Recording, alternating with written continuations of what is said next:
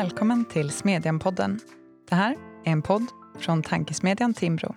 Alla våra poddar hittar du på timbro.se podcast. Dagens avsnitt är en inläst essä ur vår sommarserie med röster och reformer för Sverige.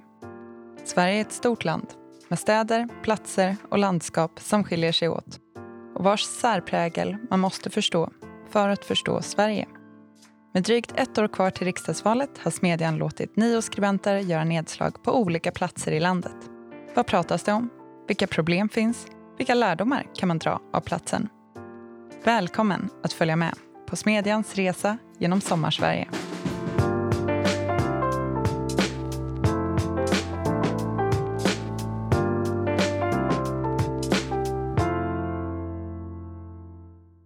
I dagens avsnitt hör ni mig, Naud Hapte-Mikael och essän Man får den stad man bygger från Göteborg. För att förstå Göteborgspolitiken måste du först förstå stadsutveckling. Inte för att bygglov eller planprocesser är på var mans läppar, utan för att stadsutvecklingsfrågor har stor bäring på allt från den politiska sammansättningen i kommunfullmäktige till de största problemen staden står inför. Segregation, utanförskap och upplevd otrygghet.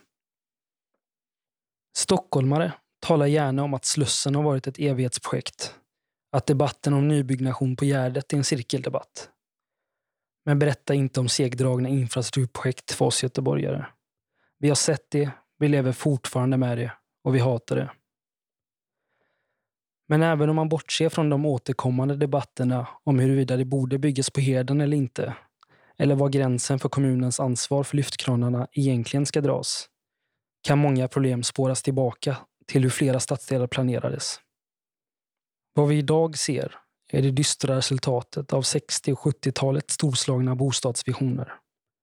Samtliga Göteborgsområden som polisen klassar som utsatta eller särskilt utsatta var en del av det statligt initierade målet om att bygga en miljon bostäder under en tioårsperiod.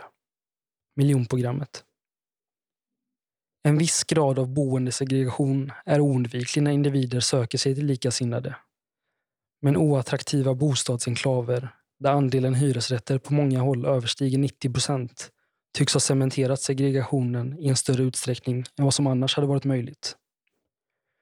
Idag funderar nästan varannan person som bor i ett särskilt utsatt område att flytta därifrån om en sådan möjlighet dyker upp.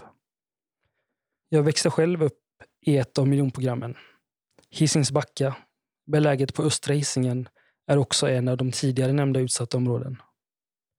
Högst upp på den åttonde våningen i det askgrå höghuset hade man god överblick över närheten till närmsta naturområde, som var en gemensam nämnare för de flesta miljonprogrammen. När det skulle smällas upp fler än en miljon bostäder inom loppet av ett decennium var de politiska och arkitektoniska ambitionerna att bygga effektivt och enhetligt på tillgänglig tomtmark att planera för mindre förtätade områden med närhet till kommunikationer var knappast aktuellt. Att bygga nära grönområden så att de boende fick ta sig dit med bilen var den ursprungliga tanken. Det innebar modernitet på riktigt. I många fall byggdes till och med bostäderna långt innan det fanns kollektivtrafik på rimligt gångavstånd. Den samhällsplanerande rationaliteten var som tagen ur träslöjdsläraren Ragnar Johanssons ideal Elena Anderssons roman Sveas son. Isoleringen från livet i innerstaden gick hand i hand med naturlig segregation. I fotbollslaget där jag spelade som ung stod visserligen idrotten i fokus. Men det var även en kulturell smältdegel. Där utbyttes allt från åsikter och idéer till musikpreferenser. Bakgrunden hos de flesta lagkamrater var brokig, både sett i etnisk och socioekonomisk bakgrund och föreningsvännernas kulturella referensramar blandades. Även om gemenskapen i laget framförallt handlade om fotbollen ökade det förståelsen för andras perspektiv och erfarenheter. När begreppet civilsamhälle främst associeras med en nostalgisk tillbakablick till tider av ändlösa sammanträden i Folkets hus förbiser många vilken barriärbrytande kraft som finns inom idrottsklubbar som det dåvarande Backa IF. Men allt är inte frid och fröjd i Sinsbacka. Det finns trots allt en anledning varför polisen klassar orten som ett utsatt område. allvarliga händelser inträffar fortfarande. Som under förra sommaren, då poliser möttes av stenar och flaskor när de stötte på Backagänget vid en grundskola. Ett gäng som enligt polisen är ökänt för sitt våldskapital och involverat i narkotikaförsäljning. Ett par kilometer bort, i Biskopsgården, är narkotikaförsäljningen högst närvarande även där. De territoriella konflikterna har stegvis ökat och orsakat bedrövelse och sorg. Inte minst för oskyldiga som hamnat i skottlinjen. Det kanske mest kända exemplet är den åttaårige Yusuf som dödades med handgranat. Och bara ett stenkast från platsen där mordet ägde rum utspelade sig annan dödsskjutning för strax sex år sedan. Då handlade det om en hämndaktion som också grundade sig i narkotikaförsäljning. Båda de rivaliserande gängen är från Biskopsgården, om än från norra sidan respektive södra. Polismordet som inträffade vid Vårvärderstorget tidigare i somras fick fler att inse allvaret av den eskalerade brottsligheten. Men det har pågått betydligt längre än så. Den gängkriminella konflikten i Biskopsgården har många likheter med de konflikter som utspelar sig vid Järvafältet i Stockholm. Konflikterna kretsar kring territoriella markeringar som snabbt eskalerat. Och de unga männen i de rivaliserande gängen har inte sällan vuxit upp, gått i skolan eller spelat fotboll tillsammans. Det är händelser som inte bara sätter skräck i ett närområde eller för den delen bara påverkar den kommunala debatten. Det sätter också sin prägel på den nationella politiken.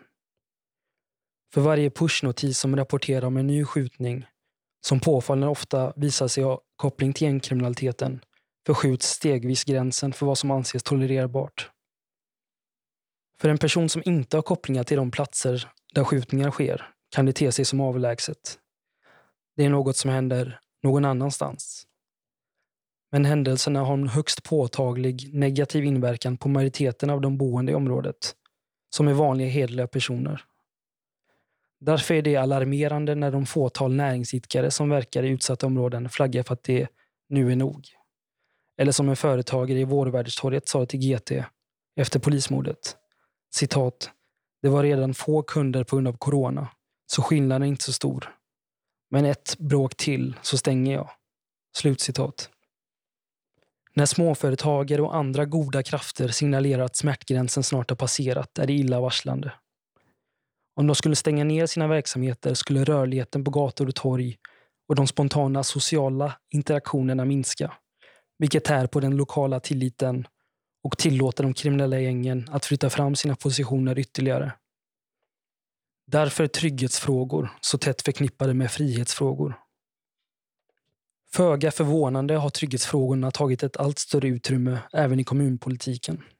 Men återigen, vill man förstå den lokala politiken måste man först förstå stadsutvecklingen. Här har järnvägstunneln Västlänken och bristen på folklig förankring för projektet bäddat för dagens fragmenterade kommunfullmäktige. Det underliggande missnöjet bland göteborgarna ledde till att ett nytt politiskt parti bildades, Demokraterna. Under en anmärkningsvärt kort period gick de från att vara en lös sammanslutning till att bli det näst största partiet i landets näst största stad. Med sina 16,95 procent hamnade Demokraterna ett par ynka procentenheter från att göra kommunfullmäktige debut som största parti. Sedan intåget i kommunfullmäktige har det dock gått knackigt. Under mandatperioden har partiet avverkat en hel del personer, vilket lett till att den sista personen på deras valsedel numera är ersättare i kommunfullmäktige. Tiden efter valnatten den 9 september 2018 utkristalliserades inte en tydlig vinnare. Förhandlingar var att vänta i rådhusets träinredda funkisrum. I ett scenario som var så osannolikt att det hade kunnat vara taget ur en seminarieövning på statsvetarprogrammet tog Alliansen med sina 29 procent över styret. Av kommunfullmäktiges fem olika grupperingar var den orangefärgade den största. Det var ett historiskt maktskifte. Socialdemokraterna hade styrt staden oavbrutet sedan 1994 men hade nu avvisats av såväl väljarna som av sina tidigare samarbetspartier. Vänsterpartiet, Miljöpartiet och Feministiskt initiativ. Gränserna för vad Göteborg som stad ska ägna sig åt är luddiga. Det handlar om allt från att utöka verksamheten för det kommunalt ägda Liseberg genom att bygga ett lyxigt hotell och en vattenpark till att äga konsert och upplevelselokaler. Eller som jag brukar uttrycka mig när vänner från Stockholm är på besök. Utgå från att kommunen äger allt du ser och så har vi ett par undantag som bekräftar regeln. Sedan jag tillbringade eftermiddagar och kvällar på fotbollsplanen har en hel del vatten runnit under Göta älvbron. Staden har förändrats. I vissa fall till det bättre, i andra fall till det sämre. Men den som inte är rustad inför kommande förändringar brukar få det svårare. Eller som tidigare statsminister Fredrik Reinfeldt brukade poängtera. Citat. Den som inte är förberedd är oförberedd. Slutcitat. Även om Alliansen lever och frodas i stadshuset är deras relativa majoritet en bra bit från vad som krävs för att på egen hand genomföra stora reformer. Det är synd. Liberala reformer är nödvändiga efter det långvariga socialdemokratiska maktinnehavet. En bra början vore att avskaffa den särskilda anställningstryggheten för stadens anställda. Förutom det absurda i att staden inte kan nöja sig med den svenska modellen utan har ännu hårdare regleringar med så kallade evighetsanställningar försvårar det dessutom en sund kompetensförsörjning. Det finns exempelvis vittnesmål om hur en legitimerad SFI-lärare som sökt en undervisande tjänst blivit bortvald till förmån för en kommunikatör utan lärarlegitimation i behov av omplacering. I våras gick flera skolklasser där en majoritet saknade behörighet till ett gymnasieprogram ut grundskolan i Göteborg. För en pojke som står och pendlar mellan att återgå till skolbänken och att ta rygg på de äldre killarna för att tjäna snabba, om än kortsiktiga, pengar blir livet påfallande ofta inte den långsiktiga vägen. Skolan spelar således en nyckelroll för att förbättra situationen och tidigt fånga upp de som hamnar på fel spår. Det finns mycket som behöver uträttas även inom andra politikområden. Tryggheten och bostadspolitiken för att nämna ett par. Och inte minst arbetsmarknaden. Där andelen utomeuropeiskt födda som är öppet arbetslösa ökat kraftigt på senare år. Att bana väg för att fler ska kunna försörja sig själva lär bli ännu viktigare framöver. Efter polismordet lär många göteborgare minnas sommaren 2021 som en dyster tid. Men på andra håll har det funnits flera ljusglimtar. Ett exempel var den lokala uppslutningen när en brand bröt ut i ett flerfamiljehus i Hammarkullen, Angered. Tack vare heroiska insatser av grannar och andra som befann sig på plats evakuerades flera av de boende innan branden tog fart. Den mångfacetterade bilden av de utsatta områden är svår att sammanfatta i skrift. Särskilt för någon som sporadiskt nås av negativa nyheter om skottlossningar och dödsskjutningar. Men vänligheten och de tillmötesgående inställningarna som man möter är precis som i vilket annat sammansvetsat lokalsamhälle. Det manifesteras såväl av de flesta grannar, småföretagaren och majoriteten av alla andra samhällsaktörer på plats. Det går må hända tvärt statsvetaren Robert Putnams uppmärksammade tes att en högre grad av etnisk mångfald leder till en lägre social tillit. När statsvetarna Sören Holmberg och Bo Rothstein vid SOM-institutet vid Göteborgs universitet undersökte frågan i en svensk kontext kunde de i fjol visa att en sådan tes har ett bristfälligt empiriskt stöd. Det är inte utan anledningar Göteborg benämns som en stor småstad. I vilken annan större stad hade ett nytt lokalparti kunnat skaka om kommunpolitiken på samma sätt som Demokraterna gjort i Göteborg?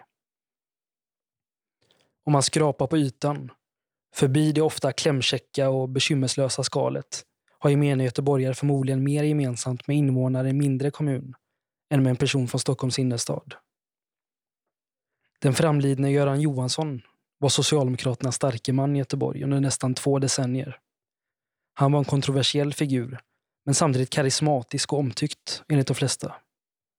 Göran, han får saker gjort, sa man. Ett av Görans mest bevingade uttryck var citat, det går inte att backa med röva in i framtiden. Slutcitat. Det har han alldeles rätt i. Du har lyssnat på en inläst essä från Smedjan och tankesmedjan Timbro. Hela serien Smedjans sommarresa och alla våra artiklar hittar du på timbro.se smedjan. Vi ses där och hörs igen här om en vecka. Glad sommar!